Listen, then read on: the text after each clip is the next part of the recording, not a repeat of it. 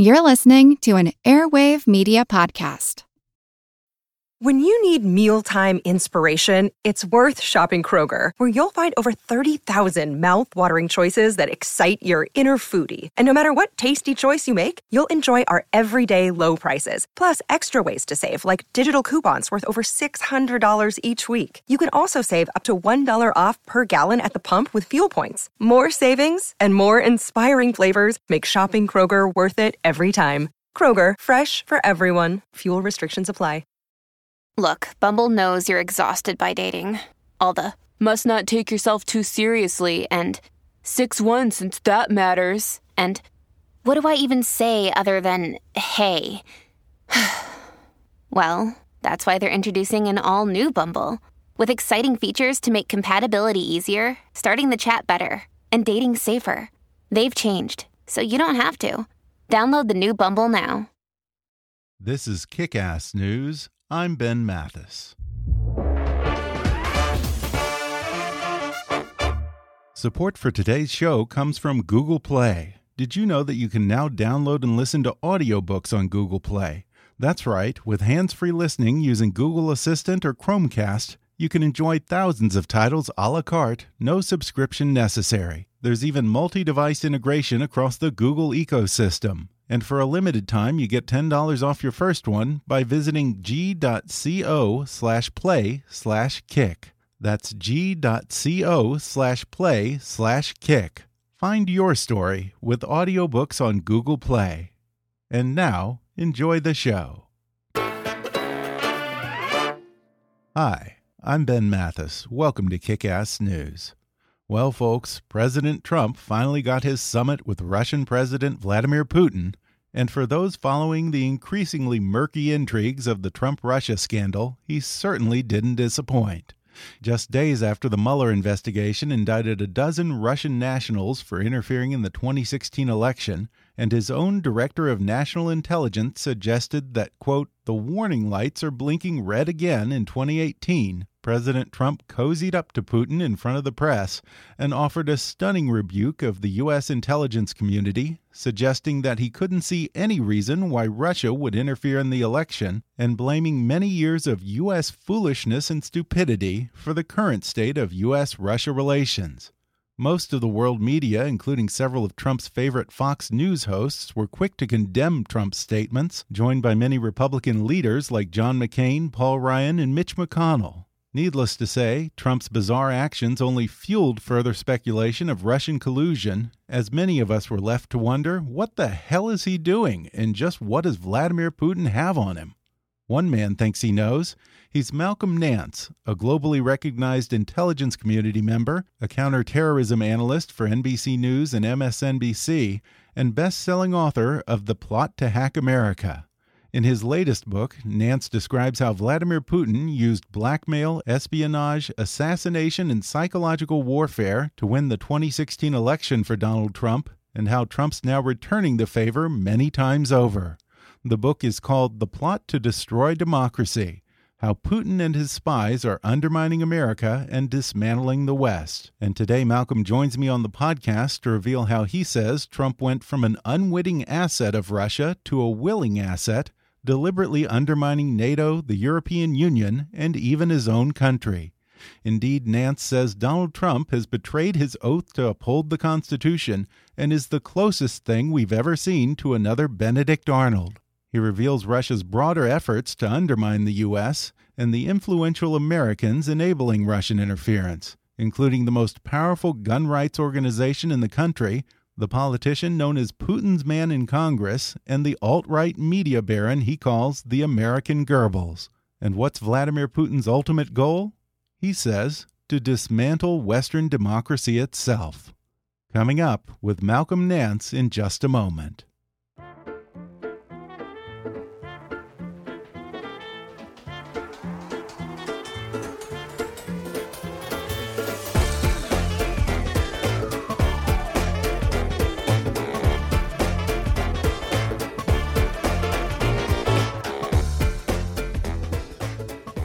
Malcolm Nance is a globally recognized intelligence community member and a counterterrorism analyst for NBC News and MSNBC. He's the author of the New York Times bestseller, The Plot to Hack America, and now he follows it up with his latest book, The Plot to Destroy Democracy How Putin and His Spies Are Undermining America and Dismantling the West. Malcolm, thanks for coming on the podcast. Yeah, it's my pleasure to be here. Well, Malcolm, you make a pretty bold statement just in the title of the book, as well as assertions you've made that Donald Trump is a willing asset of Vladimir Putin's, and as you say, as close to Benedict Arnold as we're ever going to get. You certainly don't hedge, Malcolm, without being privy to the Mueller investigation. What do you base all this on? Well, you know, when I wrote Plot to Hack America, which I, I wrote 20, now I think we're at 23 months ago, uh, where I published my analysis of how the Russians had done the hacking, what would it be the intelligence objectives of the hacking, and who would be the primary beneficiary of this large-scale cybersecurity, uh, you know, cyber warfare operation against the United States. In fact, I was the first person in national media to get in front of a camera on MSNBC and say the United States had been attacked um, in this cyber warfare right. operation. That being said, um, that book led to to an outline of how Russia did it at that point. But what was missing was I had to expand on that and come to the conclusions and, and show the evidence that this was a very deep, wide ranging intelligence operation worked at the highest levels of the Kremlin. And more importantly, show just how far this, the, you know, this Russian strategy to damage the West and to get someone who was sympathetic to them into the White House. And it shows that it was not just the United States.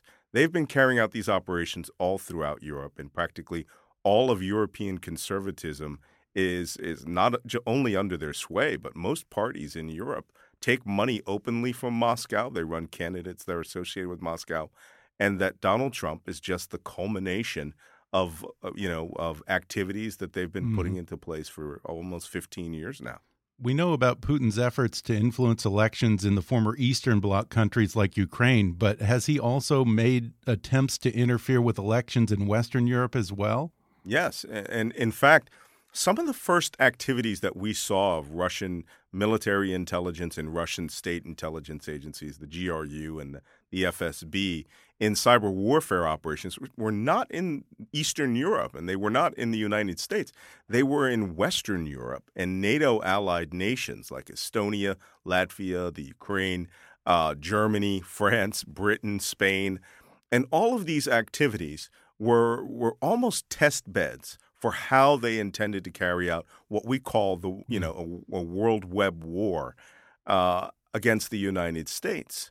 And so, not only did they carry out you know hackings of servers, they they did operations where they blackmailed politicians, where they released data related to politicians who were who were oppositionists, and almost all of their effort was aimed at the liberal socialist democracies in Western Europe.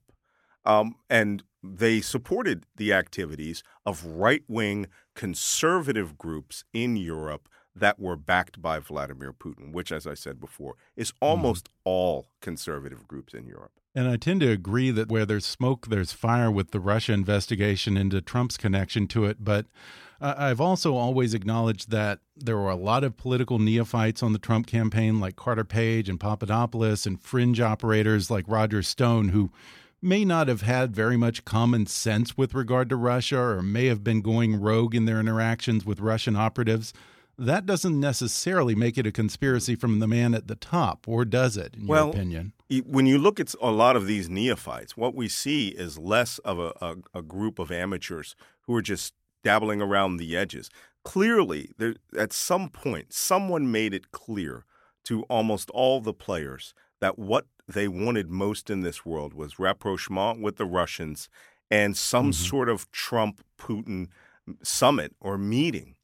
Every player in this story at some point met with Russians, concealed the fact that they met with Russians, and were trying to arrange meetings between Vladimir Putin and Donald Trump.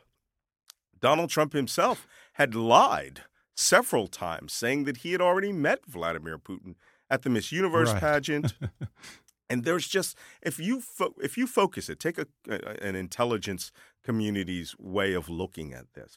When we don't just connect the dots, we see that there's a constellation of dots, and all of those dots point in one direction, right? Then we get a little suspicious. So we we can't discount the you know that one guy Carter Page may have been a neophyte. Carter Page is a uh, is a Naval Academy graduate, a Marine intelligence officer who went True. and worked in, in in with the Russians for years, and he could easily have been a victim of of a Russian intelligence operation that he may not even have known he was involved in. But when we start Mhm. picking up five, six, seven, ten different activities, all of which goes right to Donald Trump's core principles, beliefs, and statements about Russia, then that information came from the top. It just wasn't a Mhm. series of bizarre coincidences that just led us to assume that Donald Trump was, you know, completely ignorant of all of this goodwill and effort. There's just no way. I mean, I'd hate to say it that when the U.S. intelligence communities came out with a report and said that they had high confidence that the Russians were working on behalf of Donald Trump and electing him at Donald Trump, I always point out that we kill people with drones and cruise missiles for lesser levels of confidence.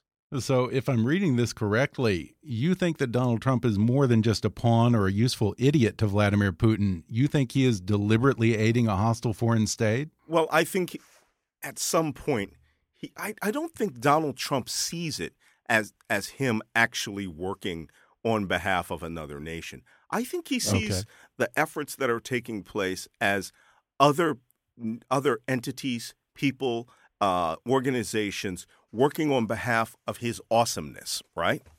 And he sees all of Okay. this effort as just people loving him. I mean, this goes to his ego. Granted, I would need Yeah. a CIA psychiatrist, you know, or psychologist to do a, you know, a leadership psychological profile workup on him, but he's a pretty easy read for people in the intelligence community.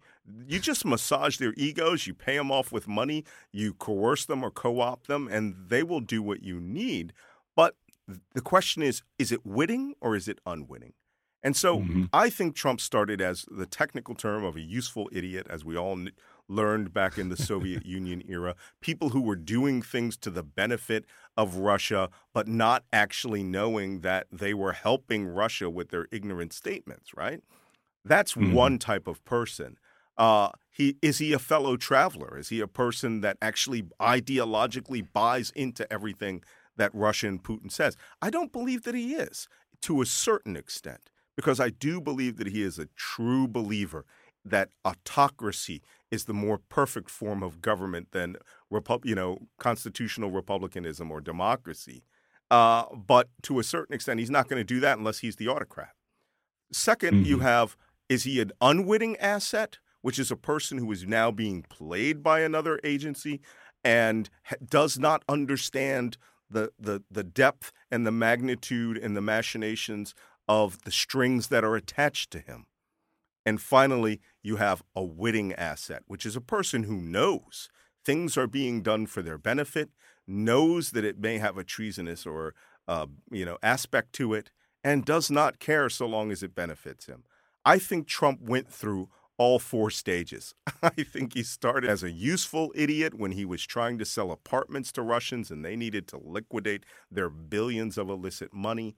Uh, transitioned over to when he had, you know, he had a meeting in Moscow in November 2013 at the Miss Universe pageant. That was very was reported on virtually by no one in the United States. He had a two-hour sit-down with the top 12 oligarchs of Russia, the richest men in Russia, including personal representatives of Vladimir Putin, behind closed doors. And when he walked out, he was spouting almost verbatim Russia's terminology, their party line, how they viewed NATO, how they viewed European Union, trade, and that, you know, even his, his statement he made on Crimea that, well, most people in Crimea speak Russian, that is a Russian state propaganda statement Yeah. that they use to justify the invasion of Crimea. Donald Trump speaks that language. So at some point he transitioned to, uh, you know, sort of a, a temporary, maybe a, a true believer for his own personal purposes, which is called an unwitting asset. And then Mm. when he realized many entities were working to corrupt Hillary Clinton, uh, whether it was through Papadopoulos, Mike Flynn, Roger Stone, WikiLeaks, all of these organizations associated with the Russian state and Russian intelligence now were working to get him elected president. He became a winning asset. And certainly he admitted that. He confessed that when he said, Russia, if you're listening, I want you to release Hillary Clinton's 30,000 emails. Well, you know, if Trump is a useful idiot to Putin, how useful has he been? Why has he departed from Putin on Syria policy and agreed to arm Ukraine, appoint a Russia hawk like John Bolton? Uh, How do you explain the decisions that don't fit into the Trump Russia narrative? Well, you know, Donald Trump is president of the United States, but he's not the dictator of the United States. And virtually all of those decisions that have happened, you know, with the exception of appointing Bolton, uh, and Bolton apparently has he's put his leash on and he likes to be walked around right now because Trump uh, has him meeting with Vladimir Putin yesterday and arranging the summit meeting for the next eh, that's going to happen within the next month. And Bolton doesn't seem to be a dissenter at all to Trump's policy. But better i think the best way to look at it is trump plays long ball right uh, you know he's not trying to get the first he thinks in his mind that he's going to fulfill some sort of destiny that that he started when he took out full page ads in 1987 asking Ronald Reagan and George Herbert Walker Bush to appoint him as the negotiator on the nuclear arms reduction treaties. And if you look at all these little points where he went to the Soviet Union to try to open up um, hotels, luxury hotels in Moscow and at that time Leningrad or St. Petersburg in the late 1990s. And he, you know, and then when the Russian money started to flow in, all of these points have Donald Trump feel looking like his destiny is to do something on a grand scale that one Barack Obama certainly wouldn't do. Barack Obama was was held the hardline American position on Russia as you know this new oligarchy that was a human rights abuser that was c- getting up the mischief around the world. Donald Trump didn't seem to have a problem with any of that, and now he is going to have this grand summit with Vladimir Putin. And Putin doesn't doesn't care about Syria. He doesn't really care too much about the Ukraine, uh, uh, Crimea, because Okay. he's got he's already taken that, and Trump has Yeah. already blamed Barack Obama for Russia's activities in Crimea and has essentially given it over to them. What Russia wants is their sanctions lifted because that's their Mm-hmm. personal money that they've stolen and they want it back. Would you suspect the heavy hand of Vladimir Putin in the North Korea policy as well? Well, we already know from reporting that Putin was the one that recommended to him in January of this year. Uh, and I want to point out that within weeks of that phone conversation in January of this year, there was a secret summit between the director of the CIA and uh, and uh, national director of national intelligence and the three heads of Russian military intelligence and, and FSB, and that which Wow. only could have occurred if Donald Trump and Vladimir Putin had a phone conversation and ordered those agencies to meet with each other face to face in Washington, D.C. Yeah. So these communications have already been happening. Putin recommended to Trump in January of this year to stop doing strategic military defensive exercises on the Korean Peninsula in order to give Kim Jong un something that would allow him to come to, to uh, Singapore.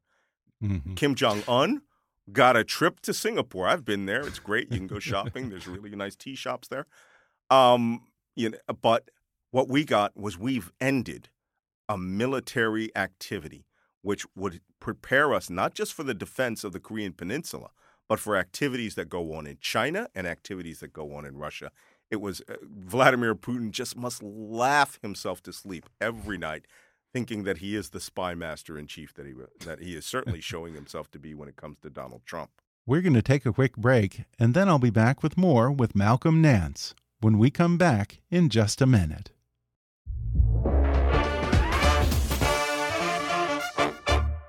How do you stay up to date with the latest business news? If you're still relying on traditional news outlets, keeping up with the news feels like a chore, but it doesn't have to be that way. Business news can be enjoyable, even something you actually look forward to. How?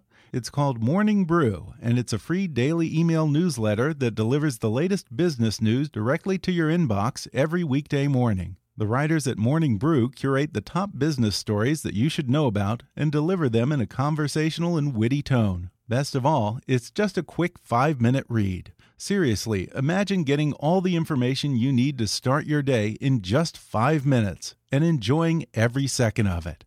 I know how overwhelming it can be when you've got so much news coming at you every day, and that's why I subscribe to Morning Brew for my business news.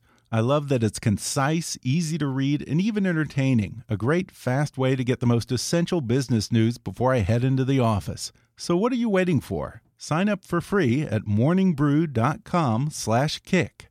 That's morningbrew.com/kick to start getting your daily dose of business news. And now, back to the show. Now, you say that Putin has interfered in American elections and American political practices aside from Trump. You say that he's aided right wing candidates and groups here in the U.S.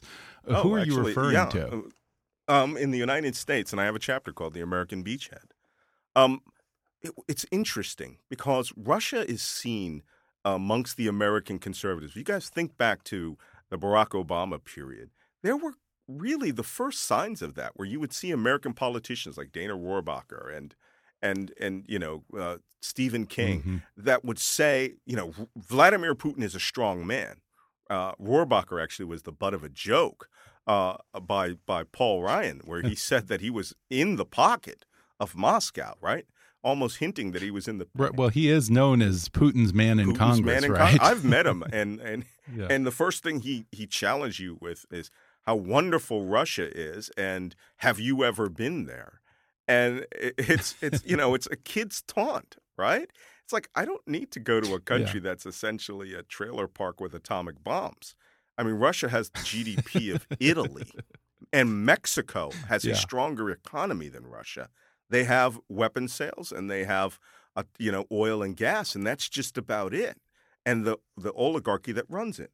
But that being said, um, uh, the the way that Trump s- sees Korea is now framed through the eyes of Vladimir Putin, and there's a technical Mhm. term for that. I write about how that meet these meetings that Trump had in in 2013, 2014 with these Russians like Emin Agalarov, you know, Aras Agalarov, the top oligarchs of Russia.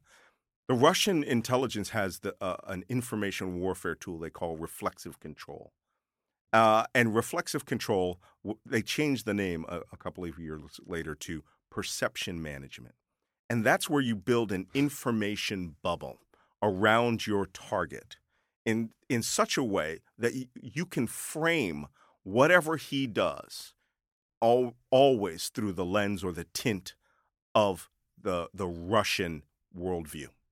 And so Mhm. when he went to that meeting, from that day on, because I've asked journalists for over the last two years until I did the research on this, where did Trump come up with this anti-NATO mindset, this anti-globalist mindset, this anti-European Union mindset? He never spoke about that before, but he did when he came out from Russia after the Miss Universe pageant, and that means that they framed, they trained him on what the world looked like for Russia. Trump incorporated that into his worldview, and he will not violate it like his adoration of Vladimir Putin, which is actually an X factor that I think Robert Mueller is going to figure out. Right? What it- what debt does Putin have on this? man? okay. So with that bubble, whatever Trump does, left, right, up, down, go against Russia, go for Russia, it's still within the framework that Russia built around him. Now, going back to what you called just now his debt to Russia, from your understanding of Russia's compromat practices and the type of Americans they target, would a rich, showy businessman with political ambitions like Donald Trump be the kind of person they would go after? You know, I I, I always like to make it clear here. Uh, you know, I had a I had a, a, a public Twitter spat with Glenn Greenwald uh, a couple of years ago where he said, "You're constantly referring to an agency that ceased to exist 25 years ago, the KGB." Well, in fact, what happened when the Soviet Union transitioned to the Russian Federation is they changed the letters of the KGB right? And they took away the border Yeah. guards, the MVD, and they broke up the clandestine service into the SVR. And they took all of the traditional functions of the KGB and they put it into the FSB, the State Security Bureau, which is still, uh, you know, which is essentially they changed the letters of the alphabet.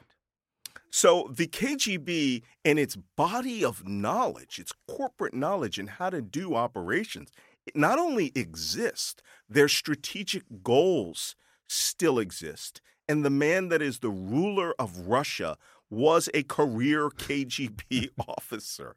His top four advisors, each one, three were KGB officers, one was a senior FSB officer. So Russia is led by the people who have the mindset, who were raised as communists to believe that American democracy, liberal democracy in Europe, is the greatest obstacle to Russia's rise in the world. But they've also learned now as, you know, semi, you want to call it, you know, faux democracy uh, autocrats, that that the way to damage American democracy and European democracy is to vote it out of Mhm. existence. Use democracy to dismantle democracy. Donald Trump is very sympathetic to those goals. We saw that this week. I mean, I could, I say I could draft a list. I had to cut out 20,000 words from this book about the things Donald Trump did that are Hmm. anti democratic and an anathema to American uh, form of, of government. He, the man is just desperate to be an autocrat and to be loved and admired like the oligarchs that he views himself more akin to. You also assert that Russia left much of the execution of their strategy to the man you call the American Goebbels, Steve Bannon. That's surprising to me because he seems to be the one guy in Trump's orbit who's largely avoided scrutiny in the Mueller investigation. What kind of evidence is there of his ties to Russia? Well, there's a lot of evidence of his ideological ties to Russia. You have to understand, Russia is not a former, you know, it's a former communist country, but they didn't just suddenly, you know, become atheist overnight. What happened when the Soviet Union fell is Russians realized that their cultural identity was closer to the way Tsar Nicholas I uh, ruled, which was autocracy or orthodoxy in the church and nationalism. And Vladimir Putin to, needed to solidify that nation. There were people calling for a return to communism in central government in the ni- 1990s.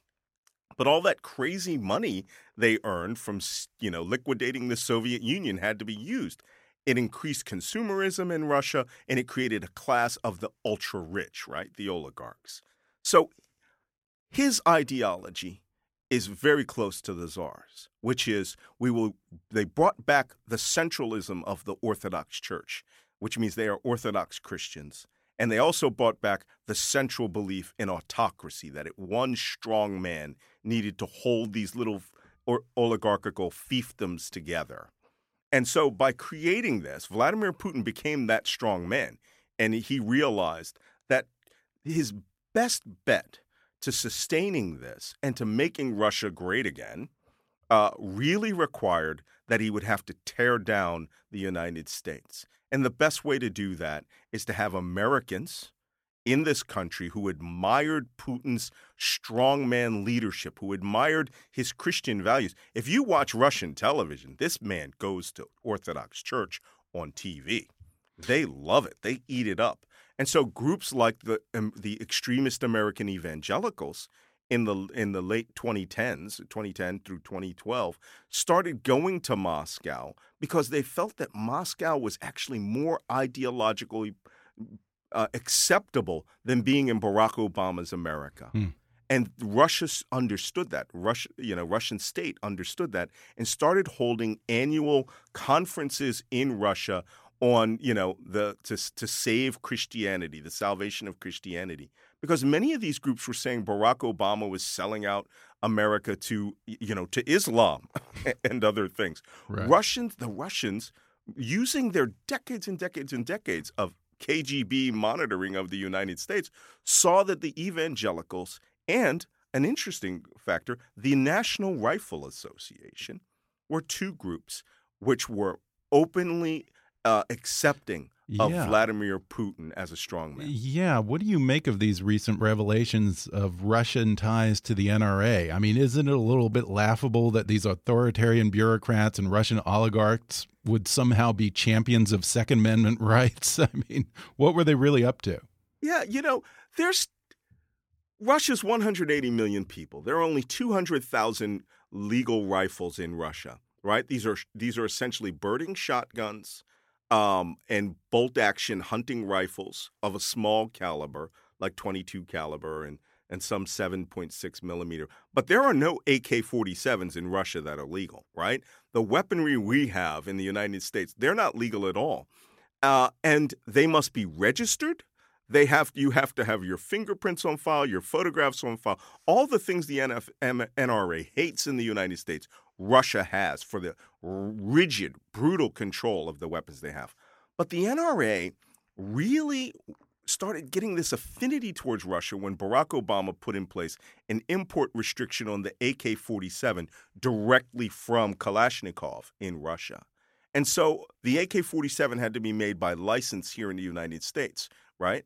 And so you I, am a gun owner. I, I have a lot of, you know, I'm a, I'm a big shooter. I watch the industry, but you know what? I started seeing these guys. The AK 47 was starting to be like the second rifle you had to own behind the AR 15 for serious, you know, survivalists and gun owners due to its, you know, its toughness and resilience. But these guys started opening up, you know, hagiographic biographies of of of uh, of Mikhail Kalashnikov when he died, and you know, magazines were writing about how awesome the Russian gun industry is, and the this the Russians actually sent a representative to the United States, a guy by the name of Torshin, who is very closely aligned to the Russian mafia, and he was sent as the representative to open up lines with the NRA and got direct feeds to Michael Trump, I'm sorry, to Donald Trump Jr. and then Donald Trump. The suspicion is is that they may have channeled between 20 and 70 million dollars to the Trump campaign through the NRA. That remains to be seen, but it was just another avenue of getting money to their man through an organization that was 100% loyal to uh, you know, this uh, autocratic styled American candidate and it's become something of a parlor game among political pundits to try and surmise why Putin's doing all this. The conventional wisdom seems to be something along the lines of Putin just wants respect for Russia to restore a global balance of power, or maybe he's simply motivated by self preservation. What do you think is Putin's end game here? Oh, it's very simple, and I, and and and all of those other uh, conjectures just fall short of the mark. You know, okay. I come from the intelligence community. We are very empirical people. You know, we we we do projections from the things that you do, right? Uh, and what capacity that you have. This is a man, Vladimir Putin, who decided he would not just put his thumb on the scale in the United States presidential election. He would choose a candidate. And the evidence is overwhelming. I hear people all the time say, Where's the evidence? It's like, yeah, there's a lot of evidence. There's a lot of reporting out there, but you know, what, that evidence is in the hands of the Justice Department. So, what was Vladimir Putin's overarching goal? Was it just to bring Russia back up into balance, uh, you know, or just to show that he's a strong man, or was he was just a clever spy master? It's much more insidious than that. Russia, for the last 15 years, has essentially been buying all of Europe's, Western Europe and Eastern Europe's conservative parties. Conservatives around the world and in the United States see Russia as the central, strong body of Christian conservatism. And you'll if you if you type that in, you know, Russia Christian conservatives opinion uh, into Google, you'll get a lot of American politicians who praise Putin really for his strength and his leadership. Oh yeah, uh, I think there was a poll, and don't quote me on this, but there was a poll where um, they asked uh, who was a stronger leader, Vladimir Putin or Barack Obama, and Republicans came up. It was somewhere between 50 and 59 percent said Vladimir Putin, and 21 percent said Barack Obama. So it just shows you where people, you know, they have a greater love for an authoritarian dictator who is an enemy of the United States and an ex KGB officer than a duly elected Yeah. president of the United States. scary. So what's his end his end goal? It's very simple. he is realigning the world. And he is most interested through his philosopher, Alexander Dugin, and the student of his philosopher, Steve Bannon, in realigning the world away from how it has existed since the end of World War II, which is the Atlantic Alliance. That's Washington, D.C., and his lines of control and influence out into the European capitals. And he intends to realign that along the what they call the Neo-Eurasian model, Wow. where Moscow will become the center of the universe, and European capitals will exercise they will exercise their power, control, and influence uh, at, with Moscow as the center of their world, and the United States as a tertiary leg of that. Now, how do you do it? It's simple. You elect democratic governments made up of conservatives uh, that you help fund, that you help influence, and you get them into power, and you realign the balance of power. And we've seen evidence of this in Donald Trump. Here's a good example: um, Hans Christian Strache, the uh, uh, the Prime Minister of Austria, uh, came from a party that formed as a neo-Nazi party in the 1950s, uh, and was and joined with a conservative party uh, in the in in the in the 2000s. He immediately, after being elected, sent two representatives to Trump Tower. Uh, those representatives met with Donald Trump, Michael Flynn, and then went on to Moscow to sign a contract between Putin's United Russia Party and the and the you know the OFP in Austria, to create an axis, an alliance. What's happening here is there are and you know these countries are becoming less democracies and more autocracies. And Putin, I think, is trying to create an alliance or an axis of autocracies. And he views the United States as the one nation that needs to be transformed from what it is now, which is a Republican, you know, Republican um, constitutional republic, you know, and I have to remind people from time to time a republic is a democratic government which preserves the rights of minorities. And he wants to transform it into an autocracy. And Donald Trump seems pretty Wow. dang bent on making that happen. Well, before we go, is there any reason to believe that they won't try to attempt the same thing in 2018? Maybe it's not worth the effort, or maybe there's too much heat for them to try and replicate this strategy just two years after the 2016 election? There's no heat. There's no heat at all. Okay. In fact, the President of the United States and 40% of the American public believed that nothing happened, that it was all a hoax, that one FBI True. agent had completely engineered the entire story of Russian, in, uh, you know, of Russian interference into the election, that it was all, you know, Hillary Clinton had done all that. Look, we're in trouble. And now I'm going to, you know, I'm going to stop with the jokes. But this nation is in serious trouble. They Yeah. can engineer this election.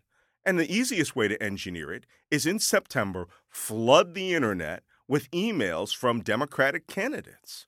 Or worse yet, if they, you know, because we've done nothing, there is nothing in place to stop them from changing voter registration rolls, which is the easiest way to cheat. Because if you change the zip codes on 100,000 people or their address by one digit in the voter rolls, then on election day, they will be disenfranchised because they are not matching with the data that's supposed to be in the Mhm. voter registration data. Or worse, they could just openly cheat in this election, change election polls, especially if it's a blue wave. And that would just set the United States on the path to civil war and, uh, and, Yeah. and dictatorial rule. Now, that all sounds ridiculous, right? It, it does sound James Bond villainish. I've said this. We are dealing with a James Bond level villain. wow. No kidding. Vladimir Putin is a former KGB. It would be like making me president of the United States, right? Guys who are in the community, we love that game. Mhm. And Putin now had all of the tools of the KGB, but technology and money of the United States and a world that he could infiltrate with and influence at the stroke of a key on a on a computer keyboard. None of this having to buy printing presses and, and journalists. He could influence the world. He saw his shot in 2016. He took his shot. He put his man in office. And Yeah. now his man is doing his bidding. Yeah. And I don't have you don't have to believe me. All the empirical evidence in the world is sitting there. The only people who are rejecting that surmise are the people who have bought into this belief that Donald Trump is, you know, Yeah. uh, essentially uh, sent to him by God. And I've actually had people tell me to my face that that's what's happened. I mentioned at the top of this your comment when you said Trump is as close to Benedict Arnold as we're going to get. In your opinion, do you believe that Donald Trump has committed treason? Well, first off, treason is a technical legal term. And no Right. one, I mean, since the Rosenbergs, no one has been charged with treason. Even the spies that we catch in the United States. I believe Donald Trump has clearly, openly, flagrantly, and almost with a laugh and a toss of his uh, his hair, um, betrayed the the oath that he took to the Constitution. I believe he does not believe in the oath, and there's very little evidence that he believes in the Constitution. And I believe Hmm. at, at the end of the day, uh, the FBI is out defending this nation. The special prosecutor has an overwhelming amount of evidence that he has to go through, as well as intelligence uh, from the intelligence communities. And, you know, his whole pass is now on the chopping block. So we will have Yeah. RICO level, you know, investigations going at this point. But did Donald Trump work actively and openly with a hostile intelligence agency or a foreign power to get himself elected president? I will leave that up to the special counsel to answer. But, uh, you know, I would not get comfortable in the Oval Office seat for long if that turns out to be true. Even the most recalcitrant Republican, if this is even marginally true, will have to run away from him. Very intriguing stuff. Again, the book is called The Plot to Destroy Democracy How Putin and His Spies Are Undermining America and Dismantling the West. Malcolm Nance, thanks for talking with me. It's my pleasure. Thanks again to Malcolm Nance for coming on the show. Order The Plot to Destroy Democracy on Amazon or Audible, and follow him on Twitter at, at Malcolm Nance.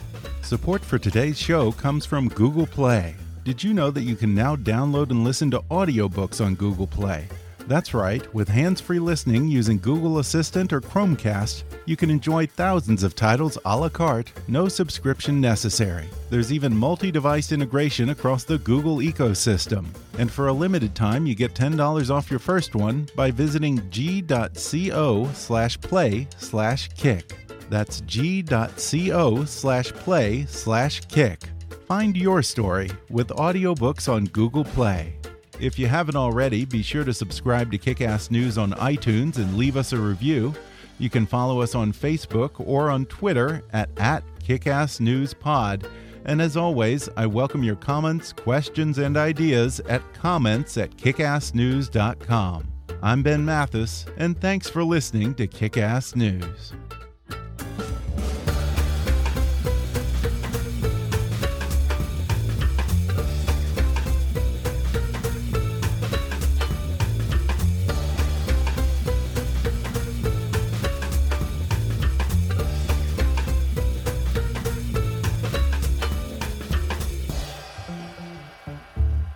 Kickass News is a trademark of Mathis Entertainment, Inc.